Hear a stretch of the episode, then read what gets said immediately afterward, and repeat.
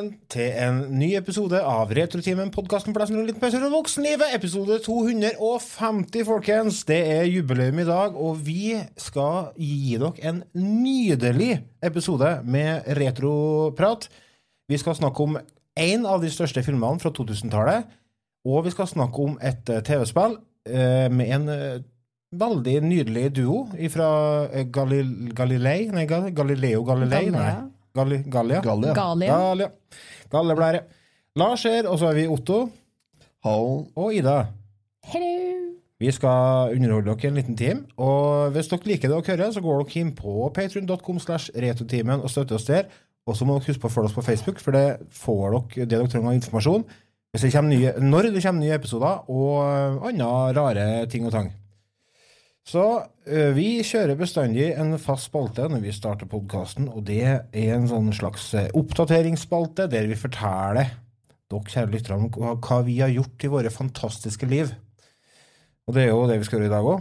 Vi skal starte med hva har du gjort siden sist? Så jeg vurderer om jeg skal krysse inn panda nå. Det her blir jo ikke bra.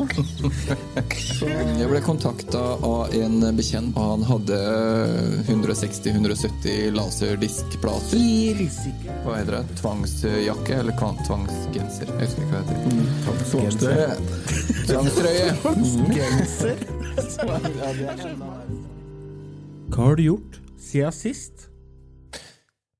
Ida, hva har du Ja. gjort siden sist? Å, jeg har gjort masse, Oi, for en gangs skyld. Få høre. Ja. Oi. Jeg har kjøpt meg keyboard. Så Med, med XYZ, eller? alt mulig rart. Oh, ja. Det er så mye knapper på det keyboard eh, pianos. ja, det er piano-keyboard. Yes. Ikke et Så datakeyboard. Nei, så når jeg gikk inn på butikksjappa, Ja. Så spurte han trenger du noe hjelp, og jeg bare jeg skal kjøpe meg piano. Jeg. ja. Ja. Kan du noe fra før da? Nei. Kan du noter? Nei. Ja. Her er det, og så peker han på et der. Ja. ja. Det var fin farge på. Herr Ja. Herwitz Steinway til 280 000. ja, det skal jeg ha. Ja, det er Nei. surt og ustemt, men Ja. Nei, jeg har jo snart bursdag, så jeg fant ut at jeg må jo spille bursdagssangen sjøl i disse tider. Så Herlig. Nå skal jeg lære meg det. Men du er heldig, da. Altså, det er ganske fantastisk å få lov til å starte å lære seg et nytt instrument i 2021 med Ja. YouTube. Ja, ja. For det er ganske artig. Gud, altså. Jeg kommer jo I gamle dager, når jeg lærte meg å spille gitar, da måtte jeg dra på biblioteket for å låne meg ei sånn bok, der jeg kunne lære meg forskjellige grep og sånn. Og da var jeg begynte jeg å låne en sånn bok som het Lær å spille rockegitar, og der var det med en CD, der, kunne, der det var sånn eh, bakgrunnsmusikk som du kunne spille oppå. Og så gikk jeg noen år, og så begynte jeg på folkeskolen, og så prøvde jeg hvem som var gitarlæreren der. Jo, det var forfatteren av den boka. er Yay! kult. Hey! I mine var- dager, disse populære dager, så får ikke jeg lov til å gå på biblioteket og låne meg bok. Nei. Nei, de er stengt. Hvis du oppfører deg som folk, du, så slipper du det. Ja, nei. Mm, Nei, du, ja, du, du er ikke utestengt pga. dårlig oppførsel. nei. Det er koronas. Ja, eller, eller korona. Nei. Det er koronas. Hva er korona på fransk? Nei, på finsk. Vet På finsk. Ja? Ostaleinen. Nei, koronaleinen, selvfølgelig. Ja, koronaleinen, ja. ja. sant. Enn på samisk, da? På samisk? Ja? Korona. Korona. Da høres det plutselig ut som et stedsnavn. Gjort i helga? Nei, jeg var i korona og fiska. Laks. Jævlig bra fiske. fiske oppi koronaelva. Nei? Korona og 25 kilo. kilo. Så du kjøpte deg keyboard, ja. Har du gjort noe annet spennende, da? Eller har du, har du lært deg noe musikk, da? Ja, jeg har lært meg La, la, la, la, la, la, la, la. Fur Elise. Nei da, jeg har lært meg litt Zelda-musikk. Første jeg søkte opp for å lære meg, er Song of Storms fra Ocarina of Time. For det Nice. er en av mine alltidens favoritter. Jeg kan jo spille halve sangen, jeg har funnet ut, for jeg, kan, jeg får ikke med begge hendene når du spiller piano. Nei, er Jeg er fortsatt på ei hand. Men det er vanskelig, da. ja. Nei, så det kommer dit etter hvert. Og så er jeg vel fra Kingdom Hearts, så jeg har lært en halv sang. Ja. Litt Studio Ghibli. Det er, ligger mye i muskelminnet når det kommer til pianospilling. Altså, Etter hvert så vil du jo finne ut at eh, du trenger ikke å se på keyboardet for å spille, for du vet hvor tonene er, og da blir det lettere å koordinere begge hendene. Ja, og Selda var jo kjempeartig å lære seg når jeg gjorde om eh, lyden til Ocarina på piano. Ja, du har sånne lydeffekter på boks. Ja, det er sikkert Ocarina-knappen. 10 000 sånn lyder innpå der. Det var orgel og hele greia. Kult. Og det fant jo han jeg deler sofa med, så hørtes det ut som der amerikanske kirka her en stund. Stilig. Yes. Nei, men så, Så hyggelig, å, hyggelig å høre at musikken har eh, endelig kommet, kommet til bestene. Jeg kjenner jeg har spilt oppe i bestene en gang uh, med et sånn Guns N' Roses tribute-band som heter for Dust Bones. Og da spilte vi i Bestahallen, tror jeg det het oppi der. Og da har vi med oss et sånn lokal, noen lokale helter som oppvarmingsband som heter for eh, Ponyvogn. Ja. Ode til snusen. Ja, det var, det var spesielle saker. Så tenkte jeg ok, det er sånn det er på bestene, ja. De er vel fra Folla, de er de ikke? Jeg lurer faktisk på om ikke jeg var der, jeg. Ja, det er mulig. Det har jeg ikke noe om. Kommer ikke var nå til kvelden, så det Veldig radig, det, ja.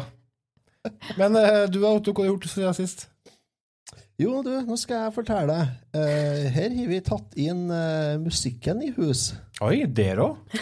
Vi har flytta inn et orgel på stua. Oh. Oh. Vi er ikke fullt så hipp og kul som Ida, så vi har eh, satt inn et eh, godt gammeldags Yamaha sånn stueorgel fra tidlig 80-tall. Det er så sjarm, det. Ja, det er det. Med sånn rytmebokstid og greier. Ja, ja. Så jeg får høre samba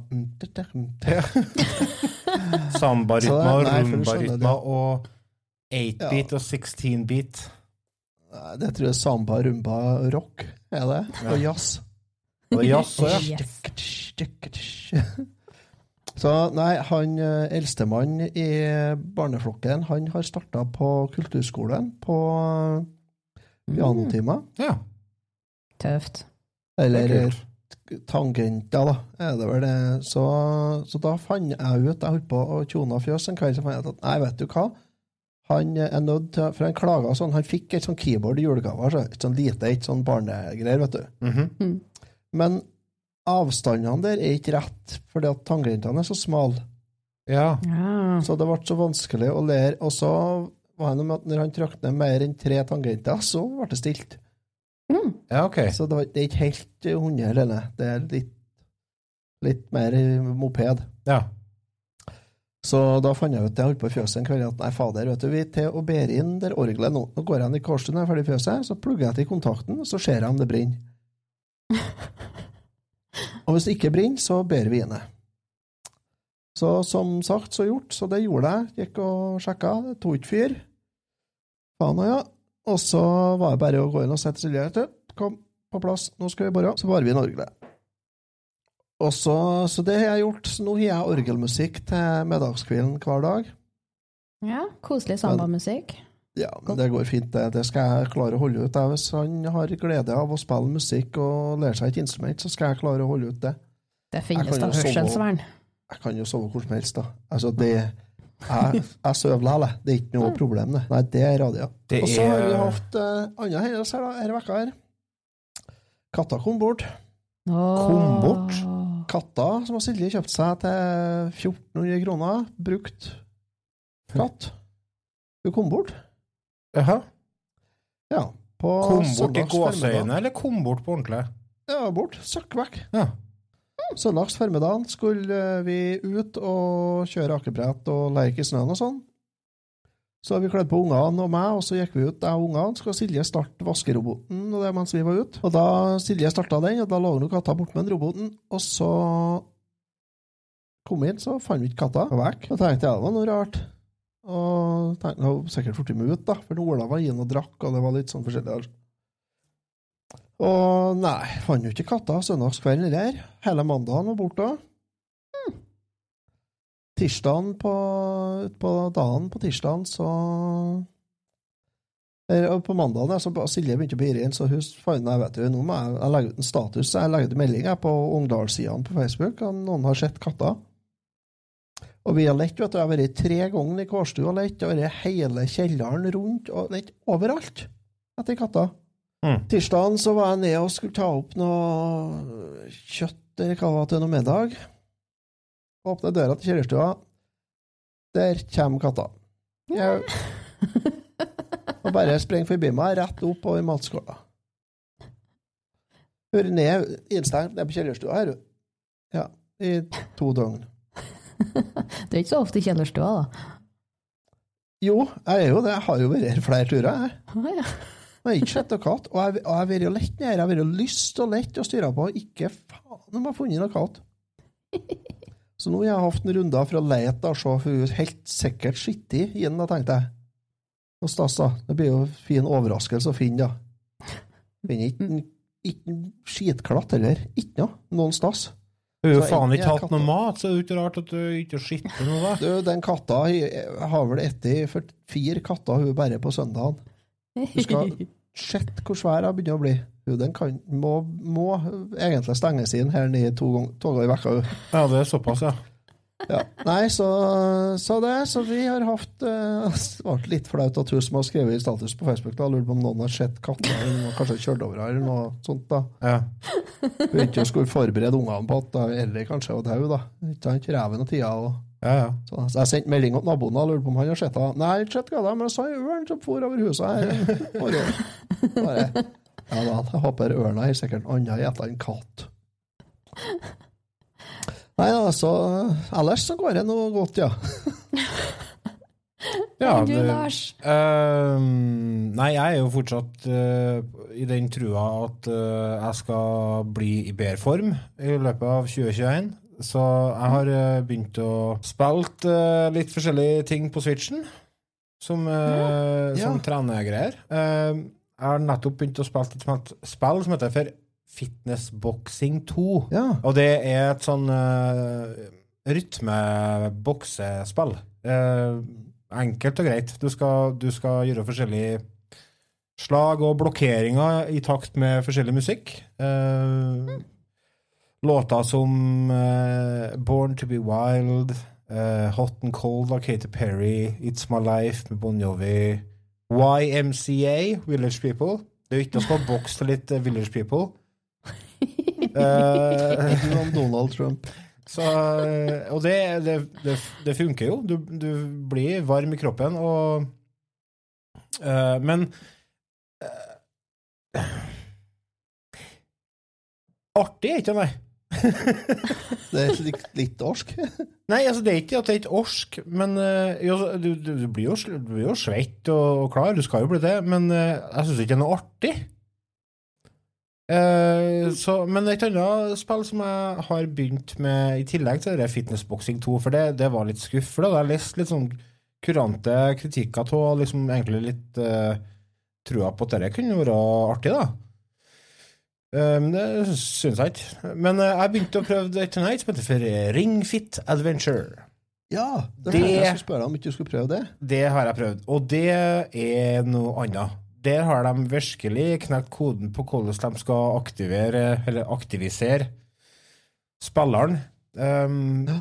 Det er et eh, rett og slett et spill der du skal uh, bevege deg gjennom flere forskjellige verdener og, og slåss mot fiender og ja, og du får åpna nye øvelser og sånne ting etter hvert. For eksempel uh, du kan ta knebøy for å slåss mot en fiende, og så skal du ta situps for å slåss mot en annen fiende. Og så på bossene da, så er det jo selvfølgelig mange øvelser samla, så du ligger jo så mye lerv etterpå.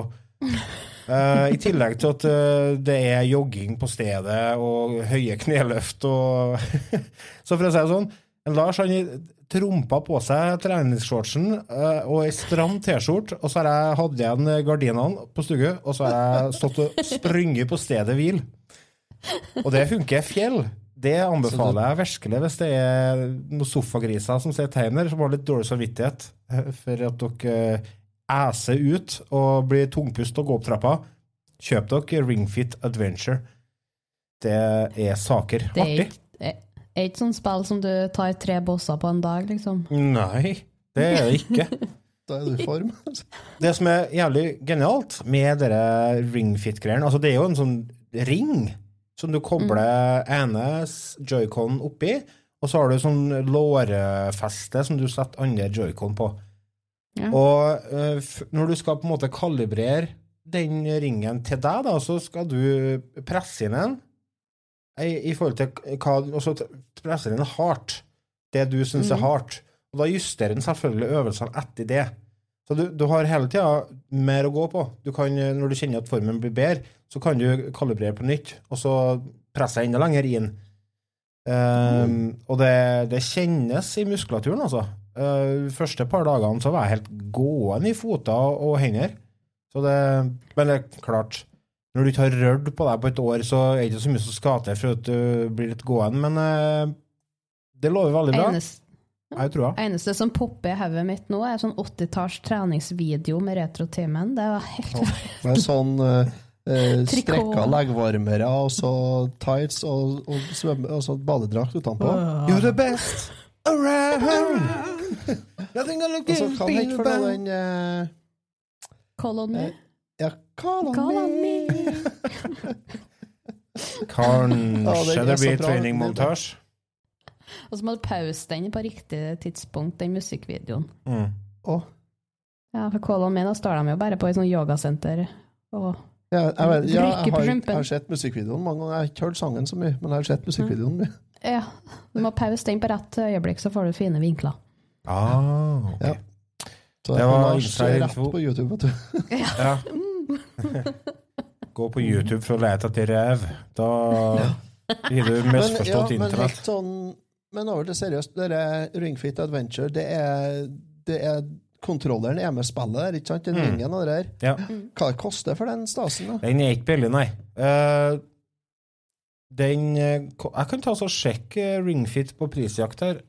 Ja, For det er jo ikke noe som er noe vits i å kjøpe digitalt, tenker jeg. det Nei, du må ha den ringen.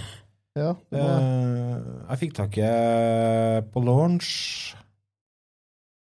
ja, Jeg, jeg, snakket, jeg, jeg tror faktisk jeg snakka om det tidligere òg, for at uh, vi fikk et Bergsala for å anmelde. Ja. Så jeg har vært innom det tidligere. Det koster billigste er 799. Det er ikke noe farlig, det. altså. Det er ikke mer enn en måned på treningsstudio. 879 på platekompaniet. Ja. 898 Treningssenteret er jo stengt nå, så sikkert. Så. Sånn rundt eh, 800-900 kroner må du betale for det. Ja, ja, ja, men hvis du blir i form, så er det faktisk billig. Og så tenker jeg det at det hadde vært uh, artig om de faktisk hadde brukt det ringen til noe mer. da. Altså at det har kommet, kanskje kommet noe mer spill som har brukt det uh, tilbehøret. Det hadde gjort seg. Kan jo hende de gjør det. Ja. Jeg har jo hun, hun som Jeg bor med og deler kjøleskap med, hun har jo dilla på dere WeFit og WeFit Adventures og WeFit Yoga. Så jeg har sikkert 20 sånne spill. Med sånn uh, step Med V-step, hva heter det? Ja, var ikke det det het? Den plata du sto på og Ja. balansert. Jo, jo, har balansebrettet og har sånn strekk åtte, og det er faen så mye utstyr. Altså dildal. Ja. Mm. Men så eh, hun brukte det mye når vi bodde i Støa, før hun var ung- og sprek. Ja. du får uh, fly fram igjen. bare Tørrskast. Ja, jeg vet ikke. Det står jo en vi oppe på stua, så det er jo ikke noe i veien for at hun kan begynne med igjen. Sett frem oss som hun tar hintet. Det, det er populært. Oh, hun har Du driver-. Men hun driver og serverer deg gulrotsup, så må det faen meg være greit for deg å dra fram det Wifi-brettet. Ja, det er sant. det er sant. Ikke bare at serverer meg, hun tvinger meg til å lage òg. Ah. Jeg tror det Synd på Men det, gulrotsuppa ble faktisk god. Den ble det. Mm. Den ble det. Det, var, det var ikke så trasig som det hørtes og så ut til. Ikke- Men det var litt sånn Ja, skal vi ikke ha noe kjøtt, da? Enda verre i dag fikk jeg fiskeboller i hvitsaus. Oh. Det er jo godt. Det er Daven, det er bedre enn nødrasjon, altså. Nei, det er ikke det. Hvis du har det eh, det, litt god saus, og, du, og så Nei, må du selvsagt dæven blande og mose det, så det blir en sånn herlig herlig klapp. Fiskeboller hvit saus og potet, ihjelkokt gulrot og stekt flesk. Kleppmelk er, er mer uh, rasjon. Kleppmelk er jo godt. Ja, det er det, men det er ikke noe du har hver dag. Nei, hvis jeg har vært opp til dattera vår, så har vi hatt det ganske ofte. Ja, skal Så, men skal vi gå litt videre? Vi skal da det, sjef, for at eh, vi har eh, masse å snakke om. Så jeg lurer på om vi skal ta filmen først. These go to 11. But they'll never take our freedom! Ezekiel 25. You're gonna need a bigger boat. Nobody puts baby in a corner. Make my day. I'll be back. Yo, Adrian! I did it!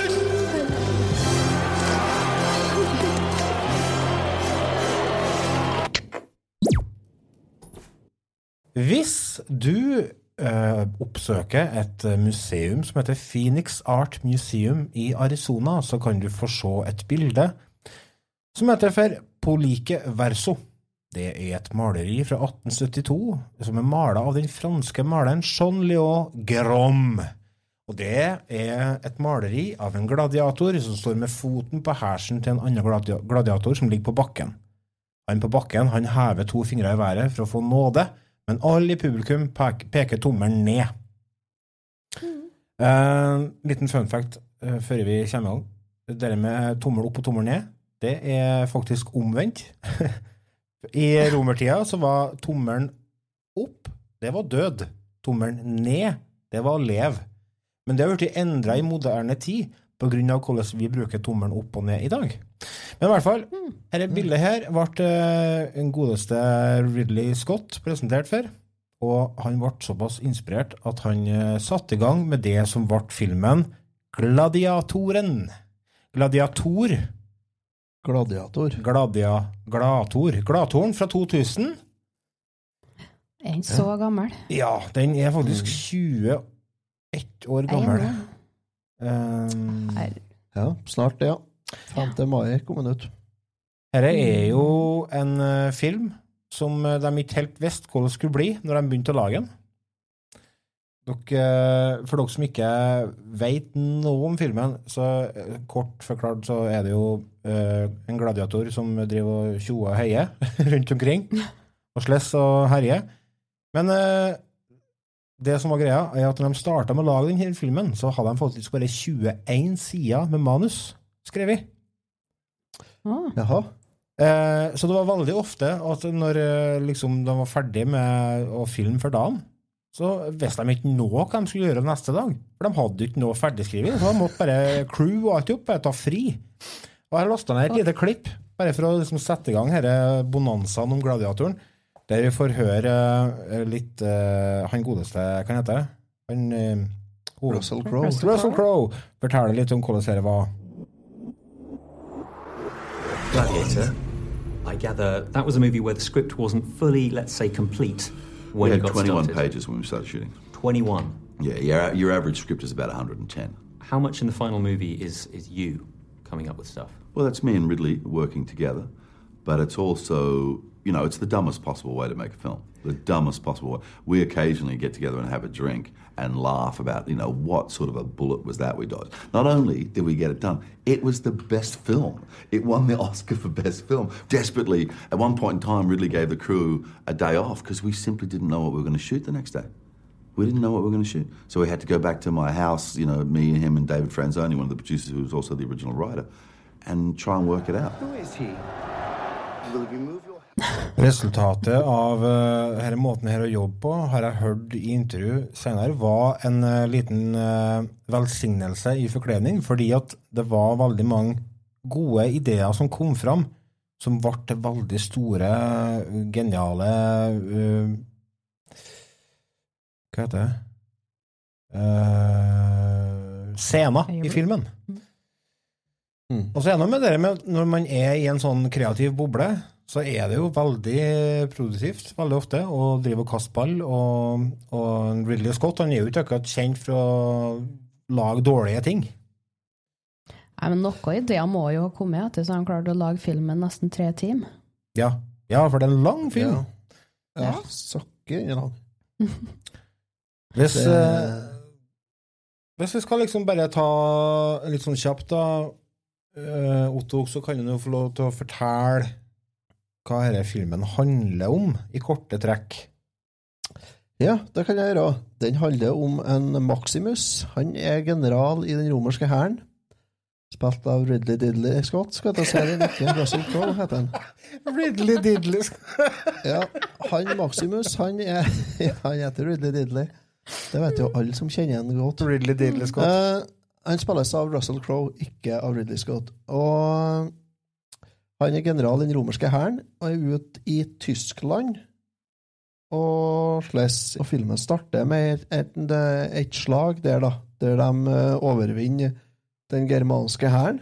Og så er en Cæsar er der i lag med han. Jeg husker ikke på hva han Cæsaren der heter for noe nå, men det er en gammel kall som er konge, er, som er keiser. Og så kommer sønnen og dattera til den romerske keiseren, kommer, for han keiseren har sendt bud etter til dem. Han vet vel at han eh, skal gå i veien. Det er en Hawkin P Phoenix som spilte Johnny Cash i eh, den Johnny Cash-filmen. Walk the line. Walk the line, ja. Og hun søstera som kommer, da. De kommer.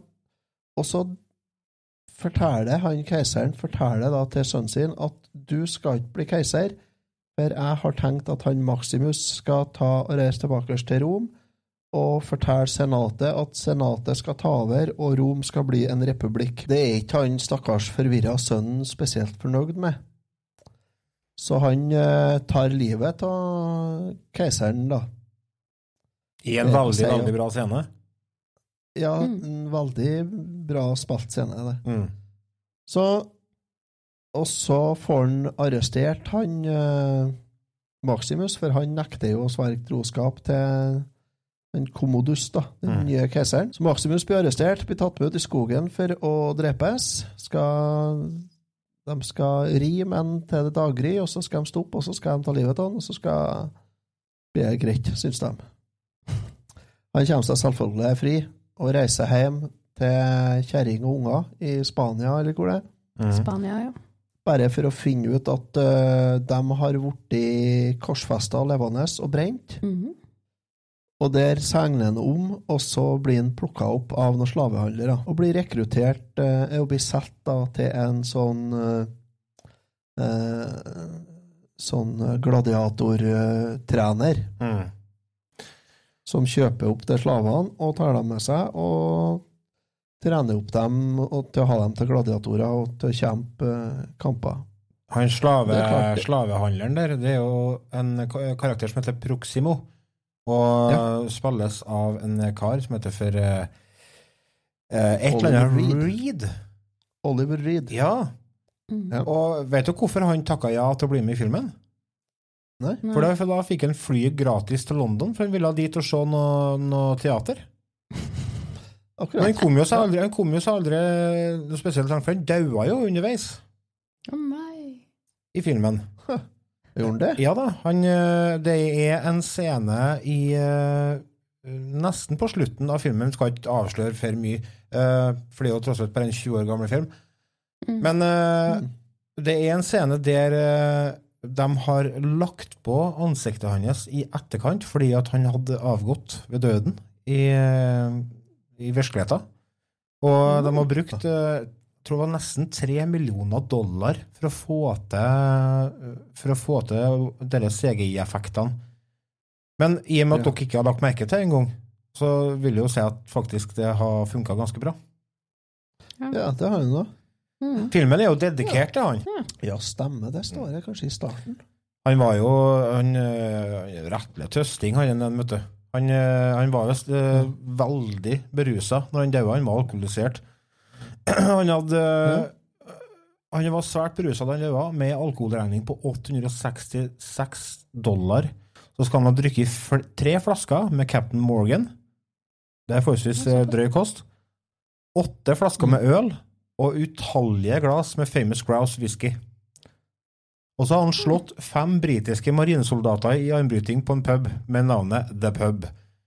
Eh, eieren av den puben har uh, i senere tid gjort om navnet til Ollys Last Pub. Mm. Som en hyllest til han, Ja. da. Så det var en liten sånn Og så en liten fun fact. Du snakka om det slaget i starten på filmen. Det er en storslått slagscene i, som er på en måte starten på filmen. Eller starten på filmen er jo at vi ser handa til en uh, Maximus som fer over kornet, men så feides det Ja. over til et stort slag der de slåss mot barbarene.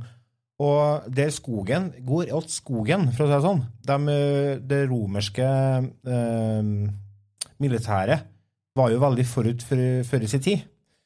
Mm. Og drev jo med mye fiksfakserier og drev og pælma flammekuler og alt mulig. Eh, og det er gjort på ordentlig, faktisk. Fordi at eh, han Ridley Scott han har fått nyss til at eh, det var en skog i England som skulle Hva heter det? Avsko, eh, noe som heter avskogning? Mm. Ja, Det er noe de gjør for å ivareta jord og, og sånn, sikkert. For å dørke ny jord, i hvert fall. Ja. I hvert fall, Han fikk nyss til det, og så sa han du, vi kan gjøre det for deg, vi. Og så gjorde de det. Og da ble det med i filmen. Det, den skogen heter for Burn Woods, og det er rett utafor Farnham. Ja. Eh, Han eh, som spiller Cæsar, han gammel Cæsar, eh, Marcus Aurelius Mm. heter han. Det er jo Richard Harris, som også er kjent som Dumbledore i Harry Potter. det stemmer, det. Han var leder der òg, han. Ja, ja, I en film? flink. Eller var det flere? Han var med bare i første, han. Uh, nei, det var to første, han ikke det? Kamera. Ja. Daua der òg, han. Ja. Ordentlig. Stakkars. Og så har du han som spiller den gigantiske eh, gladiatoren der. Han Ja. Tigris. Mm. Mm. Det er jo Sven Ole Thorsen. Ja. Han er faktisk en Heter han det? det, Han heter Sven Ole Thorsen. Han er dansk. Han er dansk og er en kompis av Arnold Schwarzenegger. Ja. Og han har spilt i en hel masse filmer med van Damme og Schwarzenegger og sånn. ja Hard. Target, Running Man uh, uh, uh, Får se videre her nå. Uh, Timecop 2. Den fantastiske oppfølgeren til Timecop fantastiske. 1. Timecop 2, ja. Collateral, Collateral Damage Mm. har han spilt i. Uh, Bandits med Arnold. End of Days. 13th Warrior. Uh, og så den, uh, den uh, uh, uh, Dragon. Det er Bruce Lee-filmen. Mm. Ja. Der spiller han.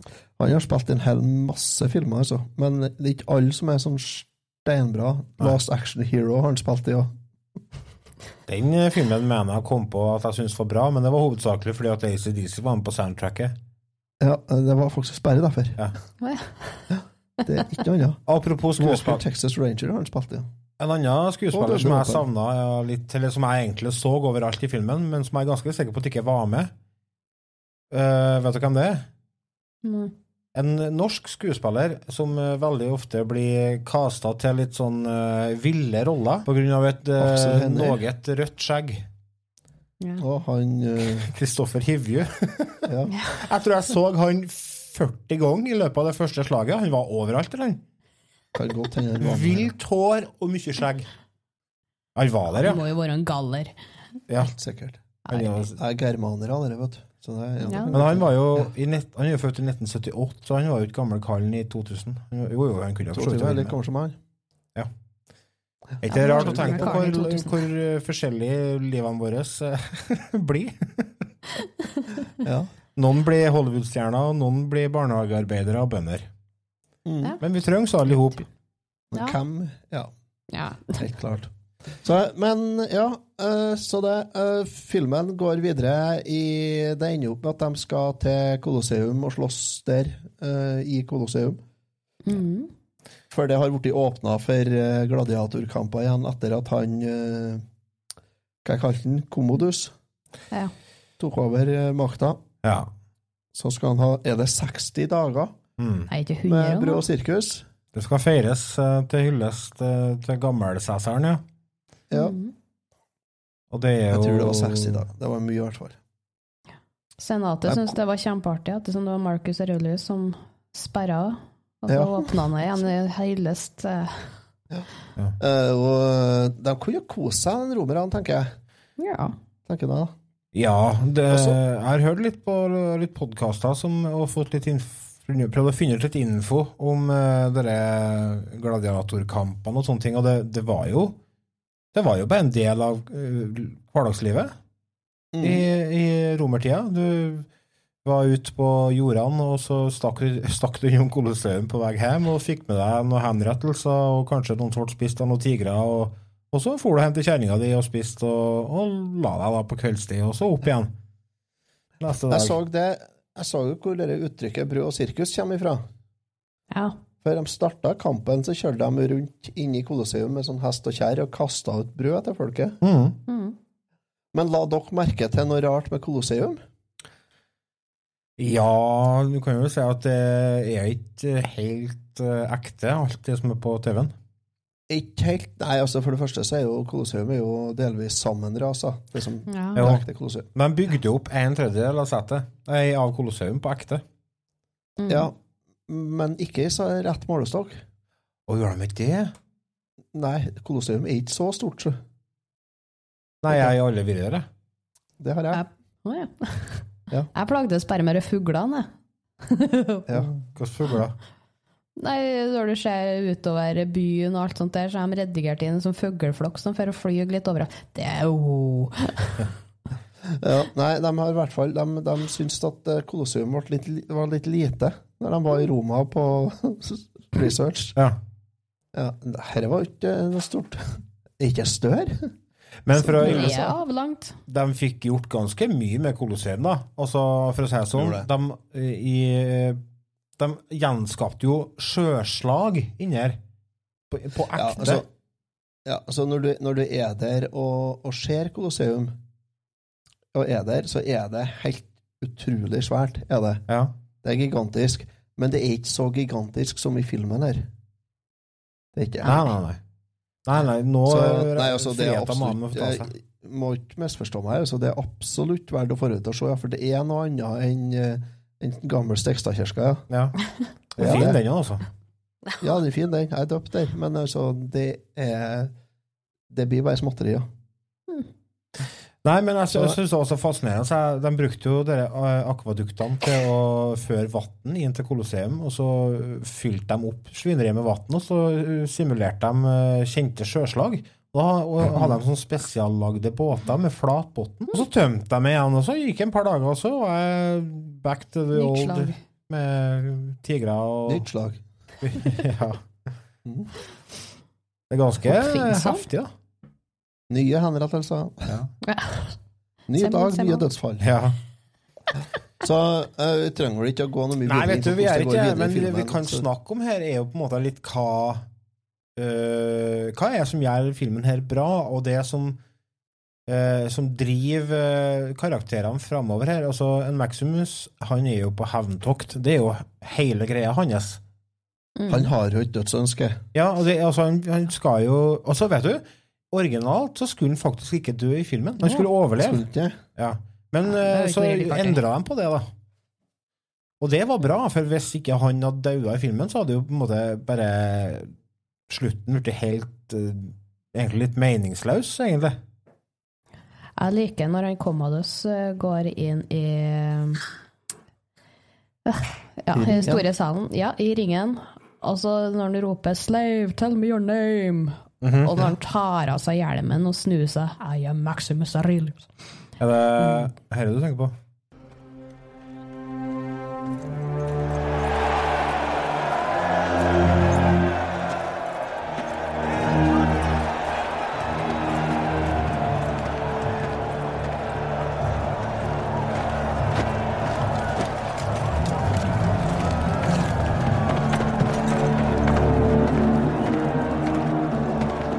Guys! Guys!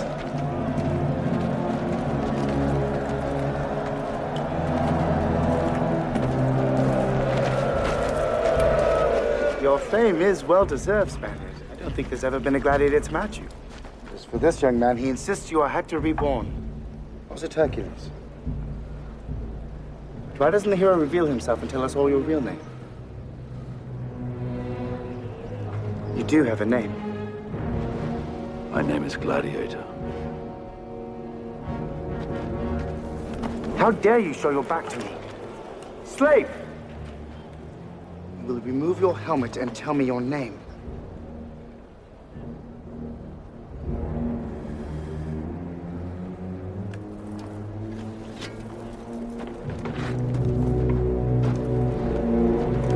My name is Maximus Decimus Meridius, commander of the armies of the North. General of the Felix Legions. Loyal servant to the true Emperor, Marcus Aurelius. Father to a murdered son. Husband to a murdered wife. And I will have my vengeance. In this life or the next.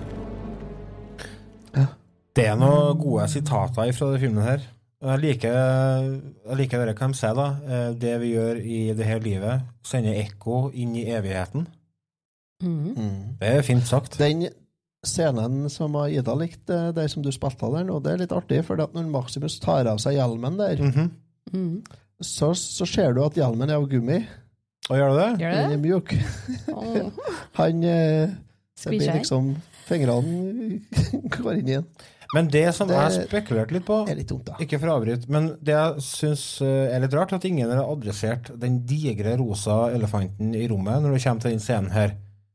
Og det er jo det at han godeste Commodus og Maximus, de har jo vokst opp i lag. Mm. De, de ser på hverandre som søsken, og er forholdsvis kjent med fjesene til hverandre. Og hvis ikke du klarer å se og kjenne igjen din egen bror gjennom den maska der, da må du bedre forhold på, på synstest hos, da. Sæ, sæ. Jeg må forhold til diksjonslærer. Men eh, altså, for den Ja, det- maska, den, den skjuler ikke hvem du er, altså. Det må ingen komme og fortelle meg. Nei, Kanskje sett litt mange folk, da. Han trodde jo han var død, da. Han trodde han var død, ja, så det Ja. må nå vel skyldes på det. Men altså, ja, det er jo mye det, det er ganske mye elefanter i denne filmen her, altså. Jeg kjente Det igjen den, jeg, ja. det. Ja, det gjorde jeg òg. Jeg så det tvert, Flink. Flink. Flink. Dyktig. Åhåhå.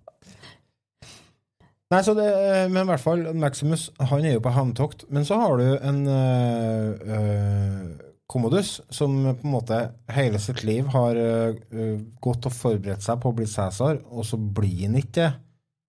Eh, og har egentlig brukt hele sitt liv på å forberede seg, samtidig som at han hele tida prøver å søke bekreftelse og kjærlighet til far sin, som han aldri får. Mm. Mm. Noe som resulterer i en eh, sinnssyk, eh, sinnssyk eh, leder med noe horrible handlinger på samvittigheten. Men det som jeg jo er helt fantastisk, er at i og med at de har klart å bygge opp den eh,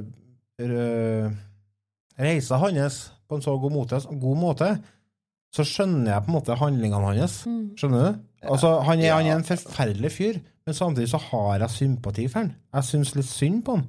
Og jeg syns at uh, han uh, spiller utrolig bra og får fram den sårheten på en veldig, veldig bra måte. Jokeren. Jeg liker når skuespillere er så flinke til rollen sin at du misliker den rollen så mye. Ja, Det altså, var jo verste- Joffrey i Game of Thrones òg. Han fikk jo hatbrev over rollen sin. Det var jo genialt. De var litt like. Jeg tenkte på Jeffrey, Det altså. Det gjorde jeg når jeg så filmen. Det er klassisk gresk tragedie-motherfucker, da. Ja. Det er jo det det er. Uh, så det er jo det, bare at han er ikke en motherfucker, han er en sisterfucker i, i filmen her. Uh, Men det er jo så, så Han Maximus, Ja. han har jo vært bortpå hun søstera der. Ja, ja. Mhm. Men hvordan eh, Og da syns jeg det blir liksom sånn Åh, skal vi da øh, sette hans øh, Altså, han Hele motivasjonen hans er at han skal forholde til kona si i i Elysium, hva faen heter det for noe? Himmelen i romersk mytologi. Samtidig som han driver og, og puler rundt. Nei, men det var jo lenge før. Det var jo mens de vokste opp.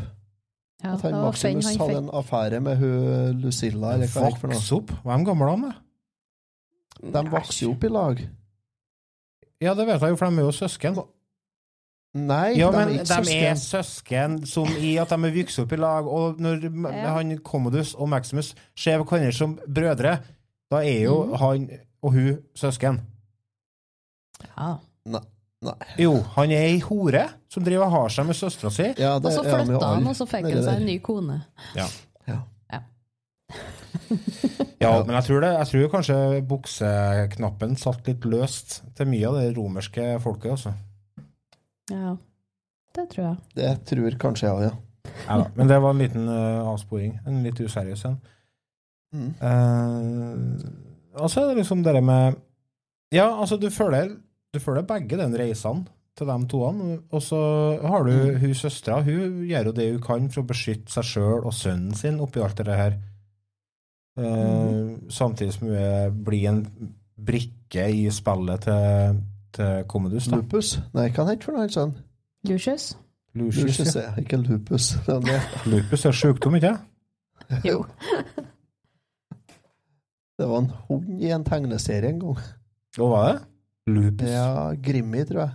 Det Ja, det er jo noe varulver, kanskje. sånn lupus Et eller annet, bla, bla, bla. Ja, i hvert fall. Han heter ikke han litt Lucius. Mm. Lu, hu, Lucius. Jim Carrey. ja, han er jo stakkars guttunge som skal vokse opp med den onkelen der, da, og den flyfilla til en mor da, som ligger med brønnen sin da, for at brønnen er mørkredd.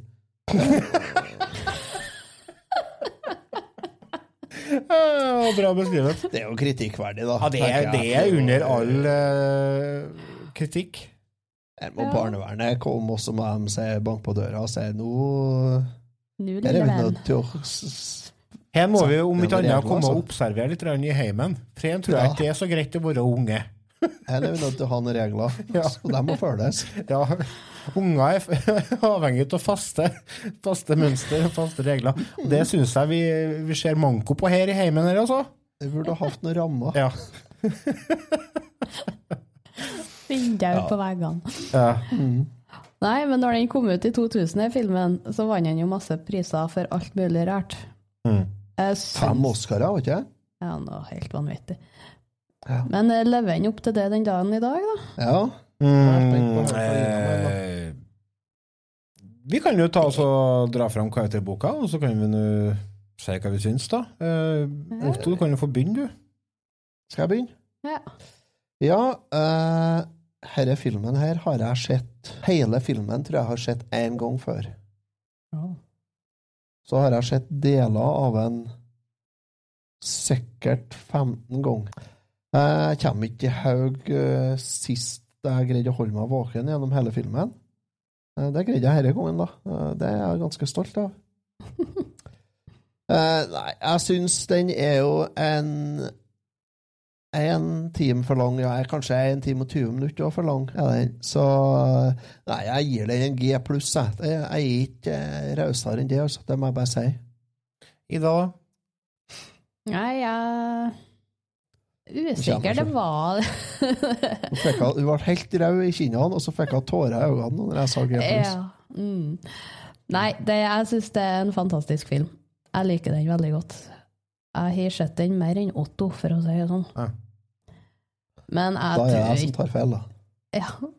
Nei, jeg tror ikke den får noe mer enn en GG pluss her heller. Men det er jo for CGI-en og alt sånt der. Vi har blitt kravstor, folket. Ja. Men handlingene sånn er kanskje litt blæs. Men ja, nei, jeg tror det er en G, G pluss-ish. Jeg la ut en liten føler på Facebook uh, litt tidligere, tidligere vekka for å høre hva folket syns om filmen, og der er det jo Her er det masse makspoeng. Altså at det er ti av ti, åtte av ti, ti av ti, ni av ti. Det er S, M pluss. Det, det hagler av, eh, av eh, gode ord om filmen. Og det er veldig mange som drar fram eh, musikken, og den syns jeg òg er kjempebra. Det er en Hans Zimmer som er komponist. Eh, jeg tenkte jeg skulle ta og spille litt av musikken, så får dere litt feeling på den her. Nei, det var feil, det. Det var jo Pirates. Eh, det var jo samme musikken, jo. Han som har laga musikken til Pirates, er læregutten til Hans Zimmer. Bare sånn det er sagt. Ja, fantastisk musikk. Jeg liker eh, Det er noen fantastiske slagscener, og jeg liker den eh, mm, Det kaos Den kaotiske følelsene som er i slagene. Uh, og jeg syns de har fått til utrolig mye med, med det dataeffektene de hadde tilgang på. Og her er det jo også selvfølgelig snakk om mye praktiske effekter. Blant annet disse tigrene er det jo ekte tigre. Så det var jo det var en par tilfeller der en Russell Crowe eh, bare Du, dette var litt for nært. Men de tenkte bare egentlig nesehorn, gjorde de ikke? Hæ? De tenkte originalt nesehorn, Ja, det, det funka ikke. ikke. Funka ikke på CGI-en. Nei, Nei. de bruker ordentlige tigre, tigre i tillegg til eh, noe datagreier, da. Og jeg syns tigrene gjør en kjempebra rolle. Det er bra skuespill. Mm. De ser uh, mannevonde ut. Uh, en uh, Trond Borgersen, han eh, tidligere medlem i Retrotimen, han gir den seks av seks. Episk film, bra historie, og ikke minst soundtracket til Simmer. Eh, Sindre Strandhos åtte av ti, bla, bla, bla. Det, eh, Vidar Smestad, han eh, kommenterer veldig ofte sju av ti, eventuelt er minus. Ja. Nei, da bare gå inn på Facebook, så får dere se. Det er mange kommentarer. Jeg er litt uh, uh, Jeg syns filmen er veldig bra. Jeg syns den eh, holder seg veldig godt. Jeg syns den har noen veldig sterke scener. Jeg syns slagscenene er kjempebra, og det er bra action. bra driv i filmen. Jeg syns ikke den er for lang. Jeg syns, den, den må være såpass. Men samtidig så er det litt sånn For det er ikke noe mye historie å spille på. Det er ganske begrensa altså Selve historien i filmen er ganske platt og, og, og kjedelig, egentlig. Eh, men det er, satt, det er satt i en kontekst som gjør at det blir bra. Mm. Eh, du spiller på følelser. Du Det har liksom ikke kunne hatt samme historie noe mer enn i, fra andre verdenskrig òg. Ja. Så, så jeg syns ikke at historien drar opp, men jeg, altså. Gladiatoren er ikke en film jeg ser for historien. Gladiatoren er en film jeg ser for, uh, for action uh, og stemning og sånn, da. Så jeg syns den eh, holder seg godt, og jeg gir den en uh, rein M. Jeg syns det var artig å se den igjen. Jeg tror faktisk ikke jeg har sett den siden den kom ut på 2000-tallet, altså. Så det var kult å se den igjen. Jeg, vet, jeg har jo registrert at den har gått mye på TV, og sånne ting, men jeg har aldri liksom sett meg ned og sett jeg var, jeg var veldig spent. Så det Nei da, men uh, Jeg har sett den på TV3 en gang, faktisk. har jeg gjort. Å, det er tussig å se film på TV3. Det, Ja, det var fire timer, det. Ja, det ja, blir jo fort, det. Reklame hvert tiende minutt. Og, ja, ja. Og midt i det beste scenene, som Ja. oftest. Apropos Ja. reklame, ja. Vi tar oss en liten pause, vi òg.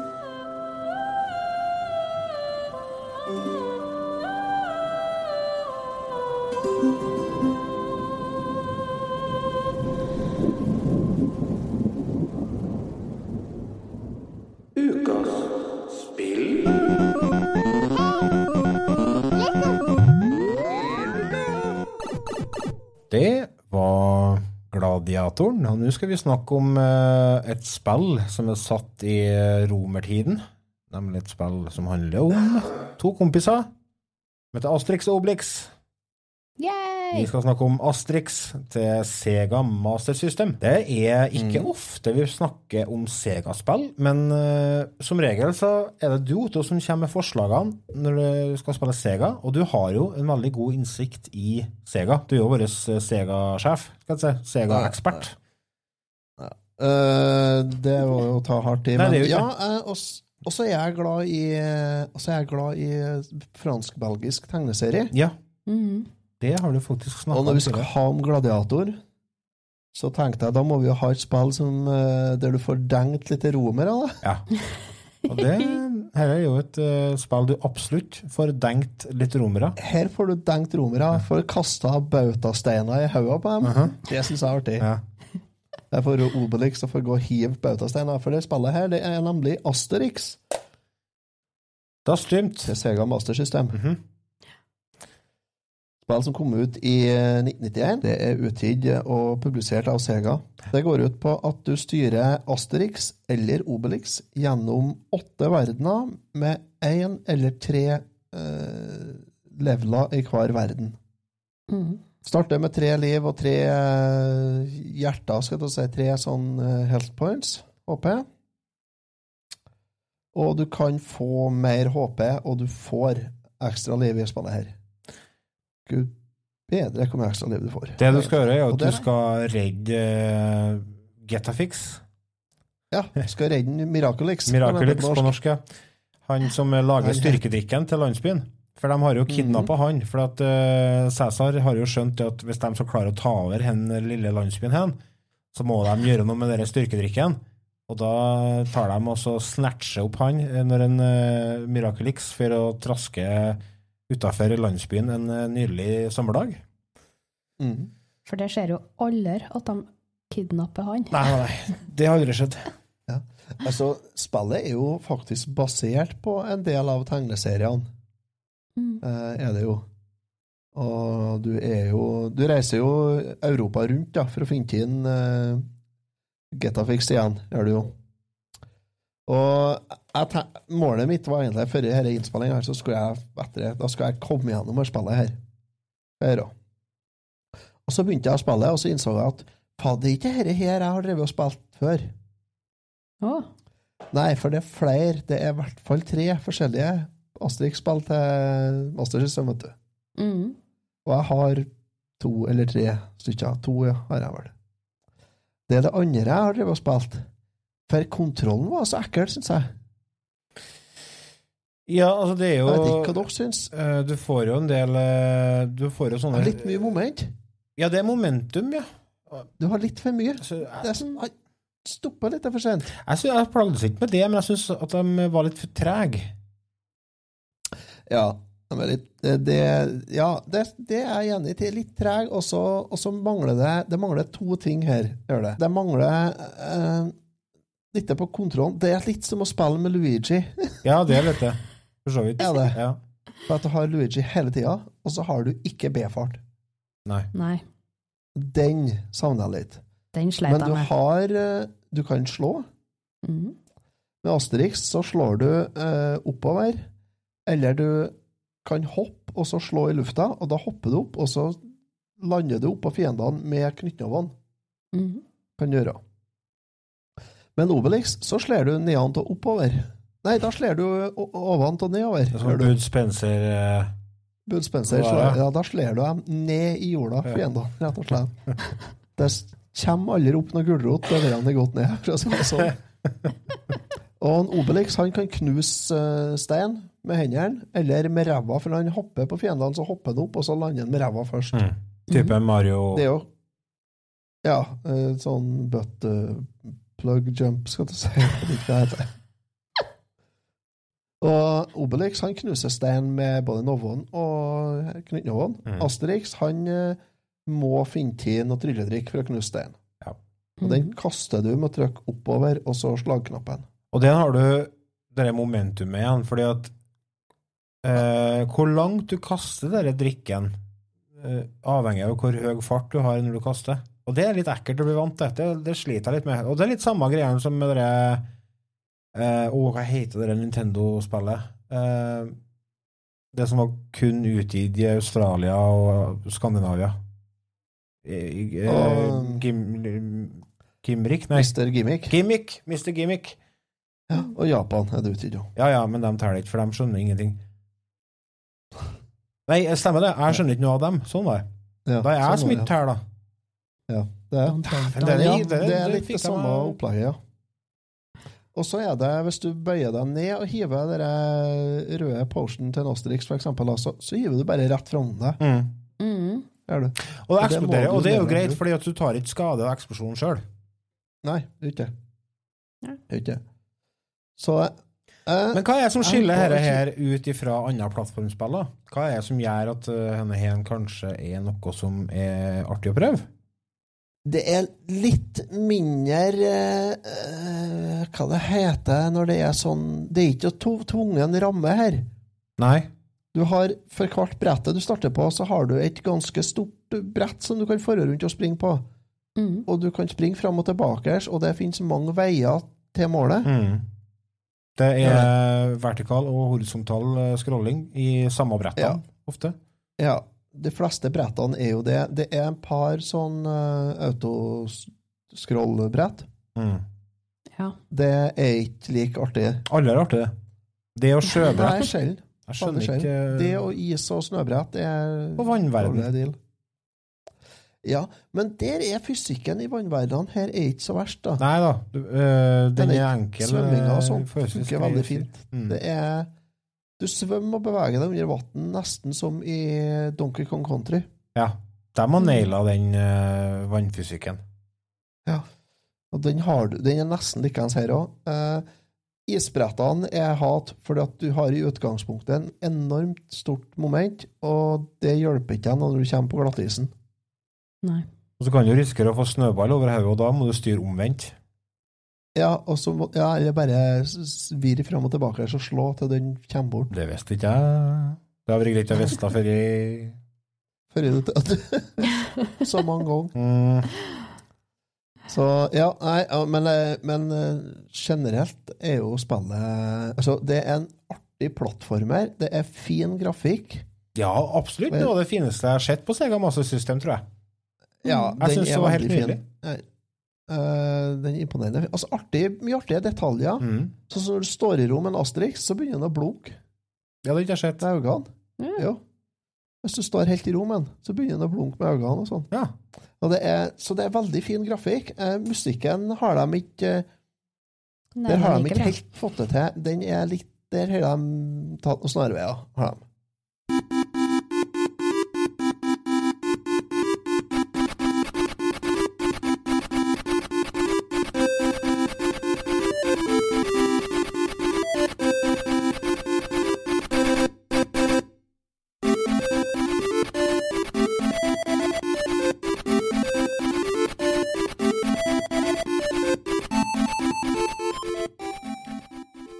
Håkon Puntervold, det er bare å kjøpe henne på LP. Ja, tvert. Ja. Denne her er faen meg dårlig musikk, altså. Her er, her er et sånn Ja. kroneksempel på dårlig spillmusikk. Ja, det er litt uh, et, Det første jeg tenkte på når jeg begynte å sp- spille og så hørte musikken, det var Er det Har de ikke de hit tatt nesten samme musikken som i Kid Clown til Ness? Ja Der òg var det sånn tragisk musikk som vi bare måtte bare stenge ut til slutt. Men det som, er, som jeg syns er så plagsomt med musikken her, er at det høres ut som det, det detter ut ting hele tida. Og det, Det gjør det. Ja, det gjør Det jo det, det. fordi at det har jo bare fire kanaler, hva det er for noe. Uh, det men det som de gjør, er jo at de kutter feil, feil element fra musikken. De fjerner ting fra melodilinja i stedet for å f.eks. fjerne ett slag fra trommeavdelinga i lydbildet. Sånn at Mm. melodien kutter ut, så det høres ut som at du at det hakker i CD-en. Jeg skjønner ikke hvem vi tenkte med. Det, er- det er dårlig håndverk, altså. Men når det er sagt, så er det tenker melodien er ikke noe å gå glipp av her, da. For det er i hvert fall dårlig. Jeg kunne ha laga bedre melodi med begge hendene på ryggen. Det er forferdelig. Dårlig. Dritdårlig. Forskjellen på Asterix og Obelix-melodiene, har du tenkt over den? da? Uh, nei. Ja. Asterix, eh, jeg tror det var Asterix-låt du spilte nå. Ja, det er mye det. lysere og lettere. Mm. Obelix er mye mer Der er det litt mer basslinje og bassgang. Ja, Det du sier, er at de har prøvd. De har gjort noen forsøk. Ja. Og det er jo Men, eh, men, men altså, vær ærlig, de har ikke naila musikk i hele tatt. her. Nei, De har det ikke, drar altså, det- virkelig ned opplevelsen av spillet. For, eh, for jeg også Ja. syns at dette her er Det som jeg likte eh, Et element med plattformspillet her som jeg likte veldig godt, var at det var litt sånn eh, Det var ikke sånn rett frem plattformspill. Det var litt sånn gåteløsninger her og der òg. Du måtte eh, finne ut hvordan du skulle komme deg videre. Da har jeg spekulert det første gangen jeg fant ut at jeg måtte sprenge eh, under en eh, bombe under vann, så at jeg kunne stå på vannspruten for å komme meg eh, videre opp. Ja. Jeg skjønte ingenting her. Hva er det som skjer? Hvordan skal jeg... Og så bare var jeg sleiva, og så sto jeg oppå bomben når den eksploderte, eller den styrkedrikken, og så så jeg at jeg ble med opp. Og det er jo en sånn uh, greie de bruker flere plasser. Uh, og du får jo forskjellige typer sånne uh, power-ups, og de brukes jo på forskjellige måter. Og det syns jeg, det likte jeg veldig godt. Ja, som Asterix så har du en rød som potion. Den eksploderer. Og så har du en som er brun. Mm. Eh, Den blir en gjørmeklatt, så du kan gå oppå lava. Mm. På Obelix så har du en bautastein, og hva er det mer du har på Obelix, da? Alle som en skal få en bautastein. Ja. Toppballong-Knut. Uh, Norges det er- beste Obelix skaperen. har en sånn potion, han ja. han, Den er Vi må nok sjekke ut eh, på Spotify, folkens. Det er nydelig musikk. uh, var dere borti bonusbrettene, forresten? Nei. Ja. Hvis du samler Det er sånne bein rundt omkring Ja. i verden, så hvis du samler 50 bein, så kommer du inn på en sånn uh, eh, Dogmatics. En hund. Idefix. Idefix. Lillefix. Uh, Eitles. Eitles. Det er mye Lillefix Asterix er på norsk. dama. er dame. Har du ikke lest mye Asterix? Nei, jeg har ikke det. Sånn at uh, når jeg satt og leste meg opp på spillet, så bare så jeg de engelske navnene, så tenkte jeg ja, ja, bruker jo det.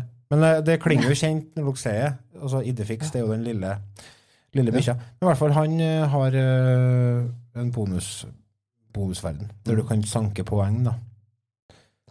Og ekstraliv. Ja, og ekstraliv. Likeens så er det et par sånn gjemte brett der du skal Blant annet en der du skal svømme under vann. Skal svømme gjennom veggen. Mm. Og så opp inni et rom der du skal slå på ei sånn krok. Så kommer det bein og ekstraliv og sånn mat, liksom. Mm. Da fikk jeg ennå ikke hjerte. Jeg tenkte jeg skulle vise dere noe artig her, dere som, uh, dere som ser på henne. Begge dere. Her er instruksjonsboka til spillet. Mm. Bakerst i instruksjonsboka så står det noe. Det er en scorebook. Mm. Der du kan skrive inn navn, dato og poengsum. Aha. Og her har han eh, første eieren av spillet her, han har skrevet opp poengsummene sine. Uh, han har tydeligvis kjøpt spillet i april i 92, så jeg vet ikke om dere så dere noe på hvor mye poeng dere fikk? Nei, jeg tror ikke på det. Nei, jeg tenkte ikke noe på det. Eh, nei, han har her starta, så fikk han eh, 101 900 poeng den 19. april 92. Ja.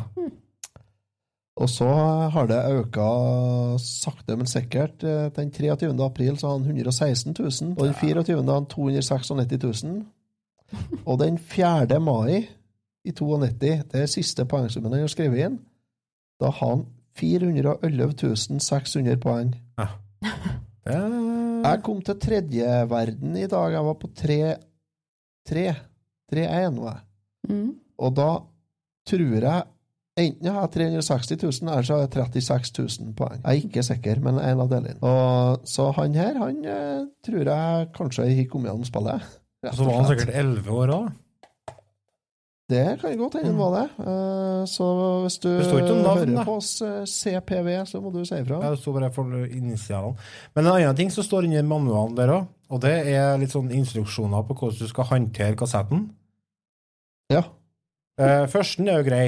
Do not immerse in water. Det er jo sånn eh, Ja. Du, du driver ikke og dypper spillene dine i vann. Men den nummer to der, do not bend. Do not bend, ja. Eller på tysk, tysk så er Nicht knicken! Knikken, ja. Og det er så bra. På, på svensk så er det 'for ei vikas'. Ja. det som driver og bøyer TV-spillene sine? Du, den ene kontrolleren min er det jo tannmerker i. Jo, jo, det er jo greit. Det er for så vidt det ene min òg. Men eh, Og det er en sånn en annen en. Do not place near any high temperature source. På tysk or hitzeschutten. Det er tre ord. Erstatter 1, 2, 3, 4, 5, 6, 7, 8 ord. Tyskerne de er så effektive, altså. Og når det står på tysk med utropstegn etter, da hører du etter. Ja, og for det står det. Det står utropstegn etter alle i hop på tysk. Ja. Fantastisk. Det står det på engelsk òg, forresten. Jo, jo, men uh... Og svensk òg. Svensker med utropstegn, det er Altså, ikke mye vits. i. do not expose to thinner, bensin etc. Jeg husker faren Nei, min, eh, han rensa Super Mario-brossen min med hjemmebrent. Funka fjell. ja. ja, det funker jo. Mm. Og så er han likere der. When wet, dry completely before using. Ja. Så de tar faktisk forbehold om at du kommer til å bryte reglene som de allerede har skrevet opp. Ja. Ja. Do not immerse in water. Lag en regel på regelen. Men det er jo mye det samme som på NES-spillene nå, så står det jo en sånn advarsel på baksida. Ja. Do not blow in cartridge. Nei. for det var jo sikkert ikke uh, vår go-to-metode not for å fikse. TV-spill her. Men eh, skal vi dra frem karakterboken, folkens, på det her òg? Det skal vi gjøre. Mm. Mm. Jeg kan uh, starte. Så Ida jeg er så spent på å høre hva du sier. Ida. Du liker jo plattformspill og elsker jo litt sånn cartoonish. Mm. Ja. Ja. Jeg syns dette spillet her uh, gir meg som spiller en variert opplevelse. Uh, både i forhold til at det er mye forskjellige artige fiender. Det er stort sett samme fiender, men de er forkledd i forskjellig innpakning. Noen- De som kler seg ut som gulrot, er bestene. Ja, jeg syns de som er inni de trestammene, er kule. jeg, da. Ja, de det. Eh, og det at du kan velge å være Astrix eller Obelix, og at brettene endrer seg ut ifra hvem du spiller som, syns jeg òg er en genial måte å gjøre spillet mer eh, hva heter det? Gjenspillbart. Altså, du kan spille Ja. mange ganger, eller om du har runda det. For du kan teste Mm. å runde med kun Obelix, for eksempel. Eh, Mm. jeg syns grafikken er helt nydelig. Den eh, er fargerik og veldig fin å se til. Uh, detaljert, mye artig å se på. Kontrolleren uh, Som Otto sier, det er ganske mye momentum i karakteren din, men når du begynner å bli vant til den, så det Så gir det en, en, en slags flyt i spillet som jeg liker. Uh, hvis du klarer liksom å holde det momentumet gående hele tida istedenfor å stoppe opp konstant.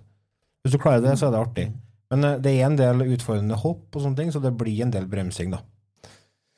Uh, musikken, forferdelig. Den har jeg jo snakka om. Den syns jeg var helt elendig. Så Og bossene er variert og utfordrende. Dette er ikke et lett spill. Uh, Nei. Jeg tenkte liksom når jeg så dette her Astrix. Hæ, Ser ut som en tegnefilm. Dette er sikkert lett. Den runder jeg sikkert på en liten halvtime. Gjorde ikke det, sjø. Gjorde ikke det.